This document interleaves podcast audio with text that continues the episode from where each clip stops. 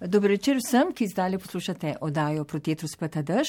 Namen je, da predstavimo in obeležimo deseto obletnico revije Razpotja. Zato sta z mnoj dva izjemna gosta, torej odgovorni urednik revije Razpotja, filozof in sociolog eh, Martin Hergout, publicist in prevajalec in zgodovinar in politični analitik Luka Lisja Gabrielčič, član seveda uredniškega odbora revije Razpotja. Trenutno pa, kot vem, ste razpeti med Gorico, Budimpešto, Dunaj najem Ljubljano, ker ste študirali na tej Sorošovi, seveda srednje Evropske univerzi, ki so iz Budimpešte po nalogo Orbana predstavili na Dune, potem kasneje. Lepo pozdravljene. Pozdravljeni. Luka, vi ste prišli iz Nove Gorice, ne? Martin, vi pa iz Ljubljane. Kot rečeno, nocoj o reviji Razpotja, o njeni vsebini ter izzivih na začetku in izzivih, ki se ponujejo zdaj. Luka, začnemo z vami. Kakšni so bili ti začetki? Kdaj ste vi pri reviji? Revija je lani praznovala deset obletnico, se pravi, začela se je ravno 2010. Mi vsi pravimo, da smo nekako otroci krize, da smo nastali takrat, ko so pravzaprav to vrstne revije, kulturne, intelektualne revije za javno razpravo, umirale tudi zaradi, bi rekel, tega kriznega obdobja. Mi smo pa takrat pravzaprav se rodili in smo jo preživeli in smo praznovali deseto obletnico. Mislim, da se je revija rodila pravzaprav sprva, prva številka kot neke vrste notranje glasilo Društva humanistov Goriške. Vendar je že z drugo številko pravzaprav prerasla ta okvir. Smo takoj ugotovili, da pravzaprav lahko povemo tudi še kaj bolj relevantnega za širšo, za širšo publiko. In nekako je potem se organsko razvijala v smeri, da smo hoteli, zdelo se nam je že takrat, da je naš javni prostor preveč nekako kričeč, da je preveč polariziran, če hočemo, prenasičen z propagandnimi slogani in razno raznimi strankarskimi zvestovami in tako dalje. In se mi zdelo, da vendar, predvsem za, ma, za mlajšo generacijo, ki smo takrat mogoče še bolj pripadali ne, kot danes, eh, manjka nek, nek prostor artikuliranega srčevanja. In tukaj je, je nastala ta ideja in od tod potem tudi ime razpotja.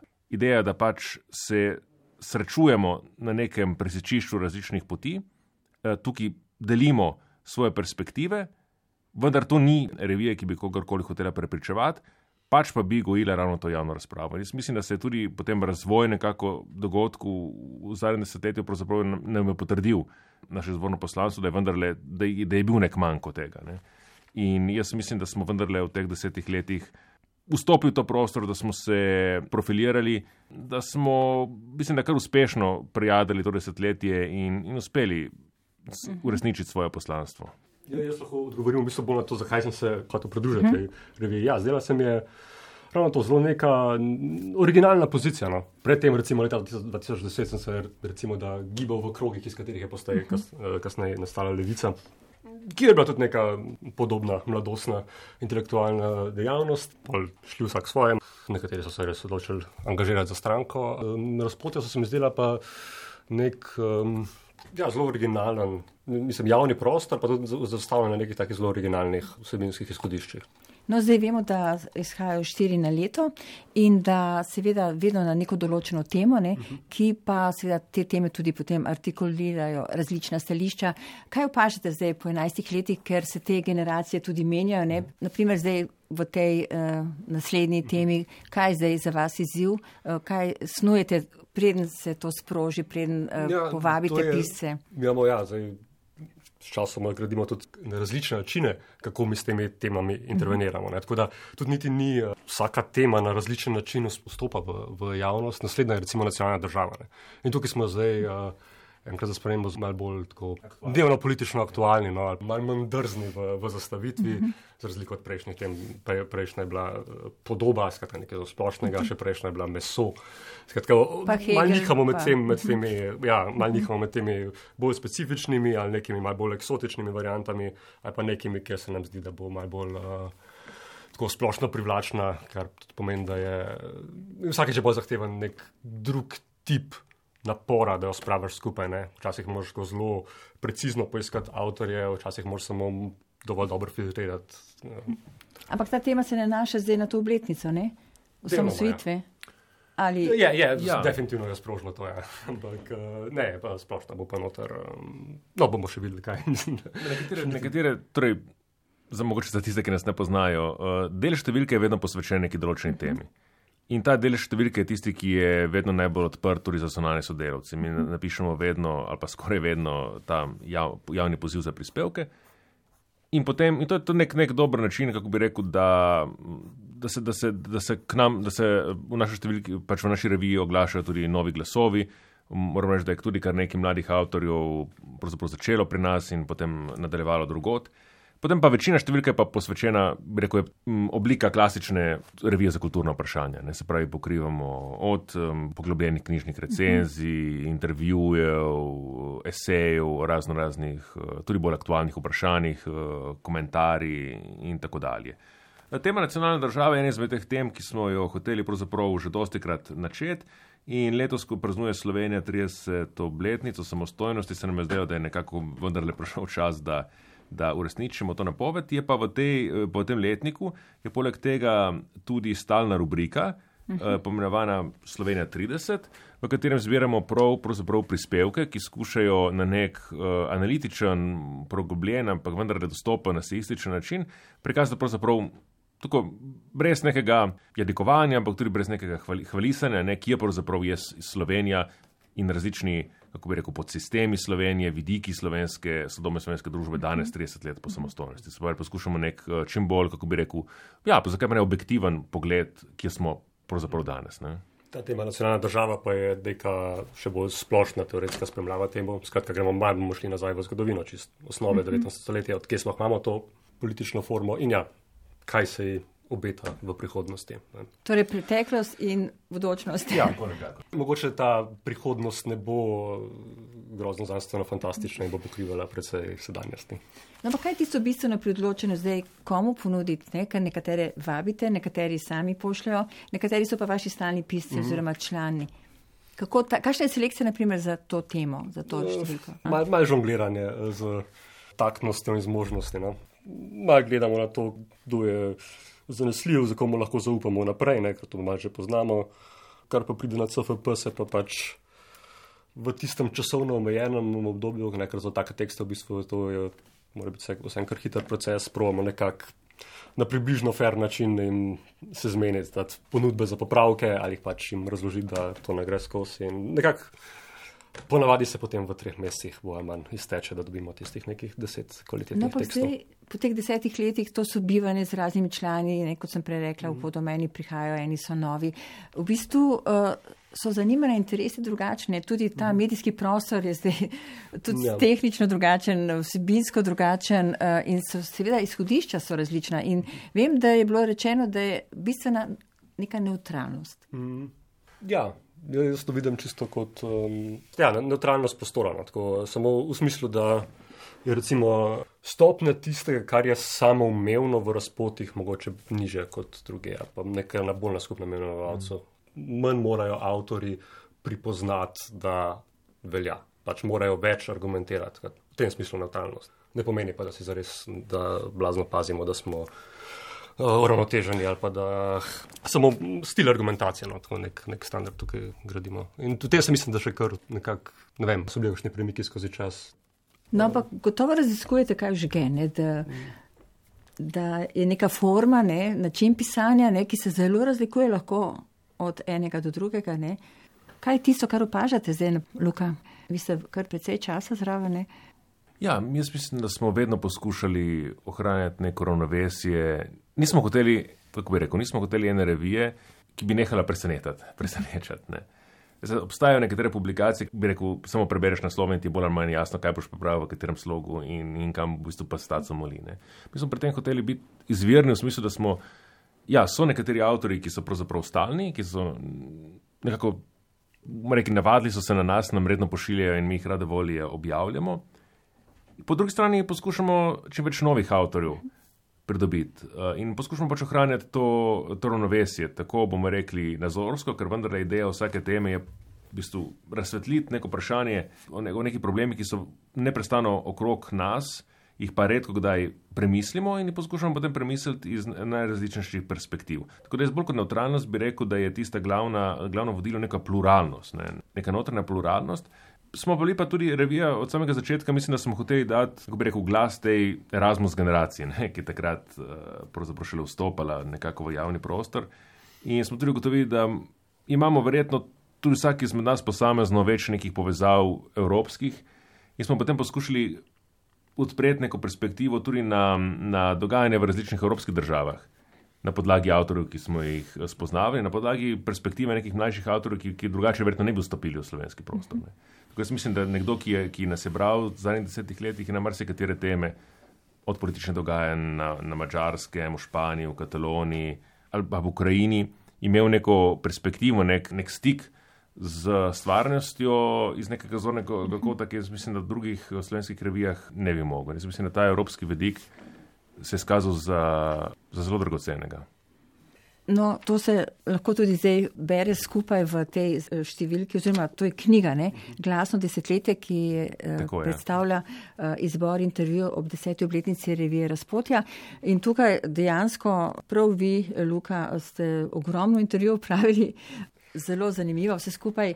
Dotaknili ste se Timotija Snajderja, ne, pa njegove žene, ne, teme, ki so bile aktualne ne samo eh, v zadnjih desetletjih, ampak prav pred kratkim. Ne, pa Kenik, torej američan irskega rodu, njega zanima pač ta srednja Evropa, ne, tudi slovenci, pa seveda Igorja Gvardjančiča, tega politologa in uh, ekonomista iz iz Trsta.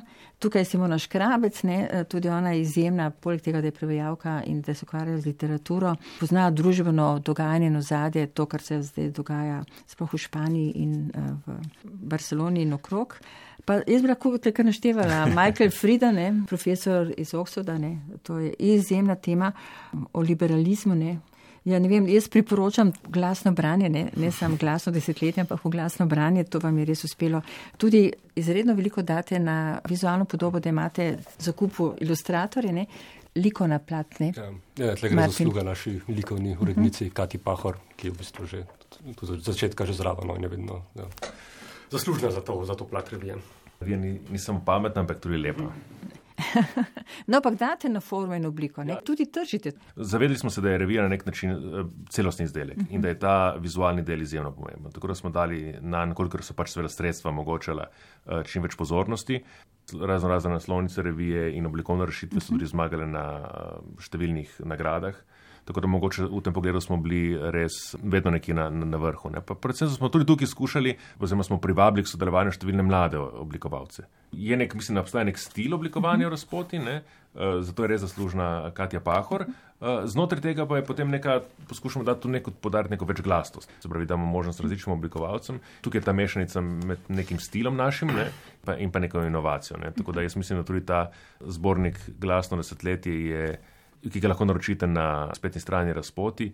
Eh, ni samo, bi rekel, nek zelo zanimiv pregled branja, ki nam resnično pokaže nek presek tega desetletja ne, skozi uh, pogovore z različnimi avtorji, ampak tudi iz tega vizualnega vidika je, mislim, da je zelo, zelo posrečena stvaritev. Ja, jaz mislim, še glede likovne podobe, vsekakor je to zelo, uh, mislim, zelo povezano s tem, kam se umešča Razpotja kot produkt, mm -hmm. ne, ker mi vemo, da nismo čist. Uh, mediji v tem dnevno aktualnem smislu, kar pomeni, da moramo iti na nek drug interes, bolj estetski interes, no, skratka, nek, nekak, neko estetsko podobo bralca ja. razpoti. Mislim, hočemo posebno ustrajati na tej najširši ravni, ne, potencijalne zanimivosti, da se ne zapremo v neko lupino strokovnosti kjer si lahko privoščiš dolgočasno oblikovanje. Skratka, no, ampak seveda vsaka številka ima okrog 100 strani, ne? to ja, je ja. kar zahtevno branje. Ne? Vsak izmed naših bralcev in naročnikov lahko v reviji najde dovolj branja, uh, ki ga bo zanimalo. Da je neko ravnotežje med raznolikostjo uh mhm. -huh. in vendar je neko celostno podobo. No? In, in zato pač poskušamo pokrivati tudi prek eh, rubrik, kot jih imamo zastavljene, čim, čim širše v vsaki številki. Ja. Torej, Martin, ne gre samo za znanstveno pisanje, ampak želite s temi teksti in konteksti nagovarjati čim širše bralstvo. Ja, ja. Mislim, kot je vsebina ponavadi vsaj nekoliko recimo, odmaknjena od neposrednih akutnih mhm. problemov, ampak čez, čez leta so se usedla neka stabilna pravila, kakšen jezik uporabljamo, izogibanje tujkam, izogibanje stekovnim izrazom, skratka nek nabor pravilnih heuristik. Glede tega nedvomno je pač revija zahtevno branje, zato da si pač prebereš nek tekst, ki je daljši od 5000 znakov, vedno je neko zahtevno branje in nek čas na nek način proti duhu času v tem, v tem najbolj brutalnem smislu, uh, ampak je pa mislim, da delamo na tem, da je pač to nekaj, kar je absolutno dostopno na vsakemu, ne, samo pač čim manj njegov interes bo razumel tisto, kar je noter. Čeprav izvorno, ne, Luka je pa šlo za popularizacijo humanistike, ne? Na začetku oziroma. Mislim, da bo to namen društva kot takega. Uh -huh. To je bilo društvo, ki smo ga ustanovili, bomo rekel, bomo rekel mladi izobraženci, če smem reči tako nekoliko patetično. Iz, uh, po študiju, ko ste se vrnili v Gorico. Ne? Tako oziroma. je, iz, iz Nove Gorice uh mhm. -huh. in okolice. Kot rečeno, je zelo hitro to eh, preraslo, ta uh, regionalni okvir. Danes je pravzaprav velika večina uredništva ne izhaja uh, iz Gorišča, to je vendarle vse slovenska revija, ki pa mislim, da je ohranila neko, kako bi rekel, zasidrnost v, z neke regionalne perspektive ki se mislim, je izkazalo tudi v letih za pomembno, ker mogoče se z tega obmenjega prostora vidi svet nekoliko drugače in pravzaprav smo hoteli pokazati v marsikaterem pogledu bolj večplastno, bolj pluralno. Mislim, da se je to potem izkazalo še zlasti za plodno v luči Evropske prestolnice kulture, ki bo leta 2025, uh -huh. to, bi, to je Nova Gorica. Številni izmed naših avtorjev, sodelavcev so, so tudi vključeni v ta projekt neka generacija ali pa nekaj generacij zraslo, ki, bomo rekel, imajo nekaj povedati slovenskemu kot uh, evropskemu prostoru. Izvorna ideja pa vendar je bila ta, ne? se pravi, je šla iz dveh poti. Po eni strani ja, popularizacija nekega humanistične znanosti ali pa neke humanistične vednosti, oziroma bi celo rekel neke bolj humanistične perspektive, nekega pristopa k javnim vprašanjem.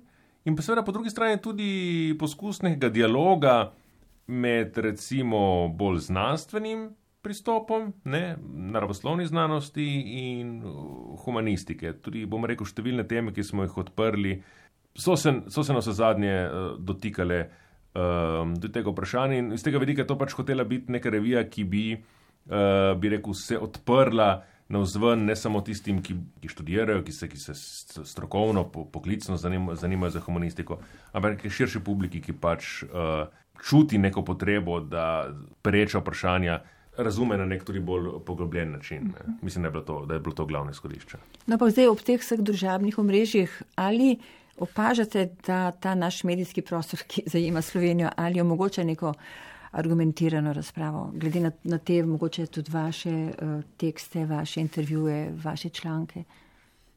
A to opažate, karkoli? No, ker na spletu. Zdaj, zdaj grozno za dušo ne bi, bil, ne, ne bi mogel potrditi to. Verjetno pa vsem tu in tam, kje je pronicano. Tudi, kakšen naš članek ne uspe prodati prek Twitterja v to pač najbolj pač akutno splošno zavest. Tako da ni treba biti preveč res absoluten pesimist glede, glede javnega prostora danes. Jaz mislim, da niša za take članke posod relativno majhna. Ne? Problem, ki, ki ga imamo v Sloveniji, je, da se to neprestano ponavljamo, ampak se ne vedno tega zavedamo, je, da seveda imamo uh, majhen trg, ne? se pravi, vendar gre za majhen jezik. Seveda v Ameriki neka, neka revija, kot je vem, The New Yorker ali pa New York Review Books, pravzaprav ima odstotkovno verjetno še manjši doseg kot naše slovenske uh, revije, to vrstne. Ampak to pomeni seveda 100 tisoče uh, bravcev, ker je pač angliščina globalni jezik in ker je to, jih toliko več govorcev. V Sloveniji logično je, da, da je domet tega manjši, ampak jaz mislim, da, da nas to ne bi smelo potreti. Mislim, da je kljub temu, kako bi rekel, odmev marsikdaj širši in globlji od tega, kar se zdi, kot če bi ga šteli samo po klikih na, druž na družabnih omrežjih. Ker pač nekdo to prebere, pa potem premisli o tem, to stane, pa potem bi rekel, posreduje to naprej. Jaz sem slišal, da recimo profesori na, na, na srednjih šolah, da uporabijo kak naš tekst, pa celo na, na, na fakultetah. No, so zadnje tudi v tem zborniku glasno desetletje, jaz mislim, da je kar veliko kar veliko avtorjev, veliko tekstov, ki imajo mesto no, mislim, na knjižnici vsakega izobraženca. Vse te tekste nekako potem pronicajo, ne? se pravi, če jih na začetku bere manj ljudi, potem bi rekel. Poante, ki jih naši avtori podajo, se da potem tudi v bistvu povzeti in jih vključiti potem v, v neko novinarsko analizo ali pa ne, za neko, rekel, predstavitev za srednje šolce in tako dalje. Ne se zavedamo, kako so čudni časi, so se glede medijev, kako smo te ekonomiji pozornosti. Ampak pa se mi zdi, ker ne par dogan, ki pač nimajo zares smisla. Ne. Mislim, recimo, to, da moraš biti posod prisoten, da se moraš ja. stalno boriti za pozornost, ne, da rabiš skozi klike, drugače mreš. Mislim, to ni resno. Tudi tako, če pogledam pri sebi, kako se obnašam, mm. mislim, za nek medij mi je pomembno če kdaj naredi nekaj dobrega in si pač še si to zapomnim. Tako da se mi zdi, da je za medije kot je razpotje veliko pomembno tu in tam pač kaj zares zapomljivega sproducirati. Ne, da, to je že dovolj, da tako očekuješ na ljudi. Ne. To je nek najboljši cilj za razpotje.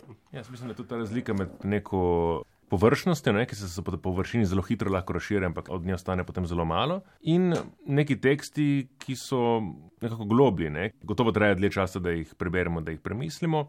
Potem zapustijo trajnejšo sled. Jaz recimo nek tekst, ki bo objavljen pri nas, pa intervju, ki slišim citiranega pet let kasneje ali pa deset let kasneje. Kar je bil tudi eden izmed razlogov, da smo potem te intervjuje recimo zbrali v tem zborniku, ne? ker, ker se nam zdi, da šele če jih damo skupaj, imamo potem res nek pregled, kako se je pravzaprav naša percepcija spremenjala v, v zadnjem desetletju. Ne? Se pravi, vendar gre za neke tekste, ki pustijo nek, neke daljše sledi ne? in ki se jih splača brati. To je potem ta razlika. Mislim, eh, če beremo eh, dnevni časopis, že drugi dan ni več aktualen. Eh, medtem ko naša revija Vsaka je taka, aktualna, tudi še mnogo kasneje, ne? lahko stane na, na knjižni policiji. No, zanimivo je ta zadnji stavek ne, v uvodniku, kjer piše, da je to knjiga pogovorov in da je to majhen korak k krepitvi odprte družbe, ki se je sposobna soočati s kompleksnimi problemi in tudi sama sabo. Ne. To se mi zdi tak klicajne. E, in ker gre res za izbor intervjujev ne vem, včasih je Vrijana Falače objavljala knjiga, ki je še danes zelo, zelo aktualna. In jaz mislim, da tudi vaš intervju je res eklatanten izbor, ker so ljudje iz celega sveta. Ne. Mislim, da to, na, na to knjigo na glasno desetletje lahko gledam skoraj malo bolj kot bralec, ker večina intervjujev se je bila narejena, ali pa polovica, no, še prej sem se jaz pridružil reviji. Izjemno fascinantno mi je brati, ker blazno eni stvari lahko dobiš ven, že to, na kakšne so bile predpostavke mhm. pogovorov pred desetletjem, je, je zanimivo. Ne? Že na tej neki metaravni, zelo dober arheološki dokument. Ja. Vidiš, kako se tudi ti neizrečene zadeve ja. ne, so, so, so drugačne. Eh, gotovo je veliko intervjujev še ostalo ja. zunaj te knjige. Kako ste sploh ta izbor zastavili? Ali bo prišel še drugi del? Zaenkrat ne, mogoče čez deset let, če bomo preživeli ob 20-letnici. Uh, mislim, da smo objavili kar nekaj zelo odmevnih intervjujev. Mislim, najbolj odmevni od takrat, ko je šel zbornik, mislim, da je bil najbolj odmevni intervju z Janom Wernerjem Mullerjem, pred prejšnji številki nekaj takega. Pogledali smo pač tiste, ki se nam, nam zdelo, da so pravzaprav prvič, ki so najbolj odmevni, da je ime vendarle najbolj znano, ali pa da povejo neke poante, ki mogoče bi morale biti slišane, pa niso bile in mogoče danes zvenijo še bolj relevantno, kot so bili. Zbornik ima neko določeno število strani, ne, ta niti ni tako majhen, ne, ima skoraj 300 strani, prevladujejo moški ne, v tem zborniku. Uh, mislim, da smo dali premalo glasu žensk, to je pač moje um, obžalujem, ampak nekih pa vendarle je. No. Drugače mislim, da smo ujeli neko naravnovesje, recimo generacijsko. Tukaj nekaj ljudi, ki smo jih intervjuvali, so bili zelo mladi, so bili pravzaprav konec 20-ih, začetek svojih 30-ih let. Ne.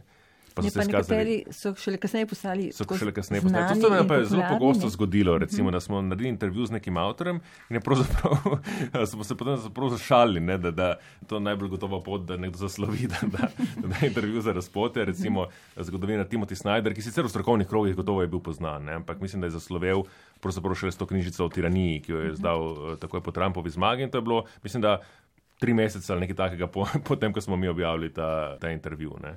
Nekaj podobnega velja recimo za Jordana Petersona. Tudi že nekako je bil znan, bi rekel, internetnim nadušencem že prej. Ne. Potem, ko smo mi objavili ta intervju, je pa potem prišel ta fenomen Peterson, ne, ki je trajal skoraj celo leto 2018. No. Tako da mislim, da takih primerov bo še kar nekaj. Ne. Zdaj pa ne vem, ali spada to vprašanje zraven ali ga izpustimo. Kaj pa financiranje? Ne? Kako lahko ena taka revija sploh preživi v Sloveniji? Mm, ja, pač malo žongliramo. Eh, pomembno je, da, da si uh, dovolj hečt za sredstvi, ker nobena niso zelo zanesljiva. Ja, neka kombinacija razpisov, seveda. Ker včasih je bila revija zastojna. Ja, ja. In, pa, in pa naročnina so zdaj uh, sicer manjši, ampak ne za mrljiv del. Ja, seveda, prej Luka omenil razliko med slovenščino in angliščino. Mislim, to je, to je neverjetno. Skratka, pač ti nekaj napišeš v slovenščini. Uh, To ima tisočkrat manjšo publiko. Ja. Tako, tako da, in v bistvu si na istem trgu, v nekem smislu, na istem mm. trgu pozornosti, pa še z vsemi Netflixi in podobnimi zadevami. Bred. Tako da, ja, tukaj, če bi šli ne, zgolj ne, brez kakršnega koli mehurčka na, na trg, je to pač absolutno, mislim, to je nemogoče za kakršno koli publikacijo v Sloveniji. In tako da, neizogibno si potem odvisen od. Um, neke, neke kombinacije razpisov. No, skratka, ja, kdo vas jak. pa najbolj podpira? Uh, trenutno je največji ver Jak, potem, potem, uh -huh. potem je še mestna občina Nova Gorica in potem preostanek so uh, naročniki. No. Deleži so približno po tretjinah, tako nekako. No. Discipliniranje stroškov na, na strani porabe je zelo pomembno. Ja. Tak, Sprva nam je zelo priskočila, predvsem v prvih letih, mislim, da, da nam je zelo priskočila pomoč za razumevanje mestne občine Nova Gorica. Ker vendarle mislim, da je obstajalo neko um, razumevanje, ki, se, ki, ki je potem tudi dozorelo v ta projekt Evropske prestolnice kulture. Da je vendarle zelo pomembno, da nek projekt vse slovenskega pomena ali pa se, se, se slovensko ambicijo in pravzaprav tudi neko kasneje tudi evropsko meščenostjo, uh, je vendarle baziran v Novi Gorici. Ne? In tudi za, za redno rubriko Goriška tudi pokriva to območje. Seveda so se pridružili drugi viri, kot je omenil že Martin. Je bilo pa potem, sprve, kot, kot, kot ste pravilno povedali, bila revija zastojn, ne? ampak potem smo se tudi zavestno preusmerili k temu, da bi čim več postopoma, ne, da, bi, da bi bili čim manj odvisni od, od javnih razpisov in od donacij. Uh -huh in uh, čim bolj več pač preprosto od naših bralcev. Ki je odzivno, ne vedno poslušamo, kar nam imajo bralci zapovedati, pohvale in tudi kritike. Seveda imamo neko svojo lastno uredniško pot, ne, ki je vendar mora biti stanovitna, stalnejša. Mislim, da je na slovenskem dosti kulturnih produktov, ki je pravzaprav namenjeno ustvarjalcem bolj kot, bolj kot porabnikom. Uh, mi smo pa v bistvu hoteli in hočemo pač biti revija namenjena predvsem uporabnikom. Ne. Mhm kar ja, v slovenskem ni tako samoumevno. Mislim, to je imelo svojo eleganco, ne, cel kup stvari, s katerimi se ni bilo treba ukvarjati, uh, birokratske narave. Enostavna etična pozicija, ne, da pač mm. mi vam to dajemo za ston. Medtem ko je pa en dober moment, mm. tazga, ja, feedbacka, samo discipliniranje mm. o tem, da, ne, da se prodaš, ne, skratka, da, ja. da si moraš zaslužiti pozornost. Preprosto videti pač. Um, ali um, bi rekel, naročniki rastejo, ali rastejo hitreje, rastejo počasneje. Ne. Če ne vsakodnevni, pa vsako mesečni, tako rečem, mm. feedback, ne, vendar le pomembno. No. Ampak vi ste tudi umeščeni v to mednarodno evropsko mrežo, kulturno ja. Eurozajne, in tam so celo prevedli en vaš intervju v angliščino. Ne? Ali je bilo to večkrat? Zlasti te intervjuje in tekste, ki jih eh, prejemamo v angliščini, ali pa tudi drugih tujih jezikov, in teh tekstov je precej, potem ponudimo ko je revija že šla, ne, najprej slovenskemu bralcu po prevodu in potem kasneje z nekim zamikom tudi širši publiki v angleščini na spletu. Z mrežo Eurozaj smo začeli tudi celo vrsto projektov. Najbolj odmeven je bil leta 1919 ob 30. obletnici paca Berlinskega zidu. Smo v bistvu skupaj z njimi izvedli neko vrsto anketo, ki jo je pravzaprav danes Evropa, tako vzhodna kot zahodna Evropa, 30 let po pacu Berlinskega zidu ali se je ta, bi rekel, obljuba o Združeni Evropi in približevanju vzhodu-zahodu Eh, izpolnila, mm. ali pa se mogoče tudi izpolnila na nek način, ki se nismo mislili, se pravi, da je danes Zahod mogoče bolj podoben vzhodu. Ne? In smo odprli ta vprašanja, dobili smo zelo zanimive tekste. Te teksti so bili v nekem ožjem izboru objavljeni v tej jubilejni številki razpoti. No, in eh, potem so šla tudi v dveh zbornikih, v angliškem zborniku, uh, The Legacy of Division, ki je šel pri CU Press. In pa zdaj, čisto nedavno je šel tudi slovenski zbornik pri založbi ZRC eh, v sodelovanju z Društvom komunistov Goriške. To ni čisto prevod, to v bistvu gre za zbornika dvojčka, ne se pravi. Eh, podoben je zbor teksta, eden je sicer namenjen bolj angliškim bravcem, ne, drugi pa v bistvu nekako kalibriran uh, za slovenskega bravca. In mislim, da predvsem v zadnjem, v zadnjem letu ali pa letu in pol, ko se mi zdi, da smo nekako bili prisiljeni spoznati, da je to Slovenija morda bolj podobna nekaterim vzhodnoevropskim državam, kot smo mislili, da je ta oba zbornika, kako bi rekel, nam pomagata razumevati to realnost, katere del smo. No, prav Kenny pa piše, ne, oziroma govori v intervjuju, kako Slovenci slabo poznamo te srednje evropske države, eh, raziskuje prav to družbo in zgodovino tega dela Evrope ne, in pozna veliko o slovenskem delu. Ja, Padre Kenny je, pa, pa, Padre Kenny je napisal eno knjigo že, zdaj, to bo že nekaj 15 let nazaj, če ne še več, o teh gibanjih, protestnih gibanjih v 80-ih letih v komunistični Evropi. Ne? In on je bil en izmed prvih, ki je to našo, bi rekel, um, slovensko pomlad v širšem pomenu besede. Se pravi, vse ta družbena gibanja, ki so se dogajale do 80-ih let dalje, novorabijaški del kot, uh, kot mladino in mirovnimi gibanji in tako dalje, pravzaprav vključil v nek širši regionalni kontekst. Ne? In obravnaval tudi v, v nekem zgodovinskem kontekstu, ki ga ponovadi nismo vajeni. Ne? Mi nismo vajeni, recimo, primerjati z Ukrajino tiste, tiste dobe. Ampak on je videl neke podobnosti. Ne? Seveda, To, to je tudi zanimiv pogovor, ki smo ga upravljali ravno, to je bilo leta 2015, po polskih predsedniških volitvah, ko se je pokazal ta v bistvu spon desnega populizma, ne? ampak še pred parlamentarnimi volitvami. Zdaj ni bilo točno jasno, kaj se bo situacija obrnila in se mi zdi, bil tak zelo zanimiv zgodovinski moment. Tudi v Sloveniji je bilo takrat neko umestno obdobje. Ne? Kaj lahko se potem naučimo tudi iz njegovega pogleda in mogoče nekih primerjav, ki jih nismo, v bistvu nek način razmišljanja tudi o naši politični zgodovini, ki je ponavadi nismo vajeni. Ne? No, veliko krat ste tudi zajeli razne zanimive goste, ki so prišli na obisk v Slovenijo, ne? naprimer ja. Petersona, ne? ki se je soočal z Žižkom in tako. Ja, ja, mislim, še, še preden dejansko je bil sploh na zemljevidu, ne samo slovenskem, ampak evropskem, svetovnem, smo mi v bistvu pomenili tako rekoč celo številko z intervjujem, pa člankom eh, kritičnem o njem, se pravi, smo že imeli neko diskusijo, no, pravzaprav, ko ga še nihče ni zares poznal. Ne. Tako da potem, ko je zaslovel, je tukaj razpotja pravzaprav že. Že opravlja svojo vlogo, ne? se pravi, je že nekako kritično, bi rekel, ta fenomen pretresel iz različnih vidikov. Ne? A razmišljate, kaj lahko pričakujete od take revije naprej, ali boste šli isto dalje? Jaz mislim, da rekel, osnovni format revije se je izkazal kot dober in jaz upam, da ga bomo nadaljevali. Moja želja je, da bi tudi v prihodnje izdali več takih zbornikov, kot je to glasno desetletje, ker smo imeli celo vrsto rubrik, ki bi bilo škoda, če bi ostali razkropljeni po razno raznih številkah. Ne. Meni je recimo zelo všeč bila ta rubrika, ki smo imeli Kavarna Evropa, v kateri smo povabili.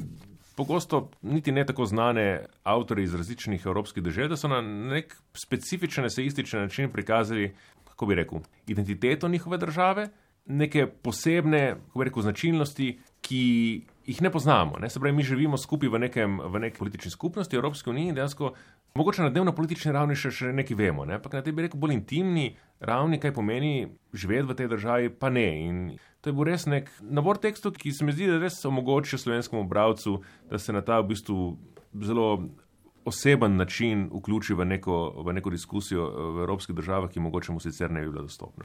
Recimo, moja želja je, recimo, da bi to išlo v zborniku. Mislim, da kar nekaj naših avtorjev je objavilo skozi vse ta leta zanimive seje in jaz bi jih spodbujal in upam, da bo kateri izmed njih tudi objavil v posebnem zborniku no, ali pa v posebni lastni monografiji.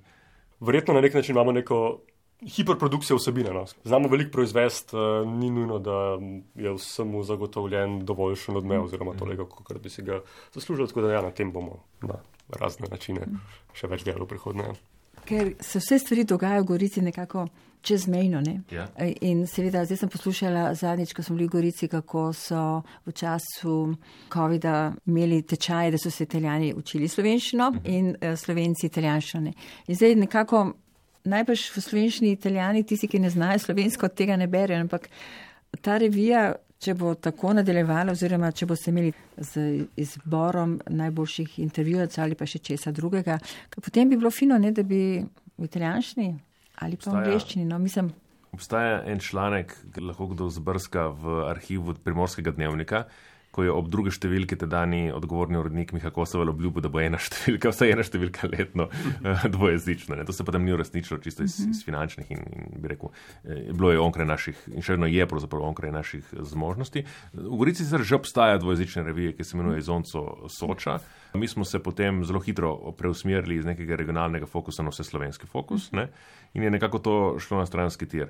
Mogoče jaz upam tudi, da zdaj tudi v luči prihajajoče Evropske prestolnice kulture, da bo vsaj tiste vsebine, recimo, ki so najbolj relevantne tudi za naše italijansko govoreče sosede, da jim bodo lahko dostopne. Ne? To pač tudi odvisno potem od finančnih zmožnosti, bolj kot vsega. Martin Hergot in Luka Lisija Gabrielčič, hvala za pogovor. Veliko ustvarjalnosti in pravih izzivov vam želim in seveda skupaj revi razpotja.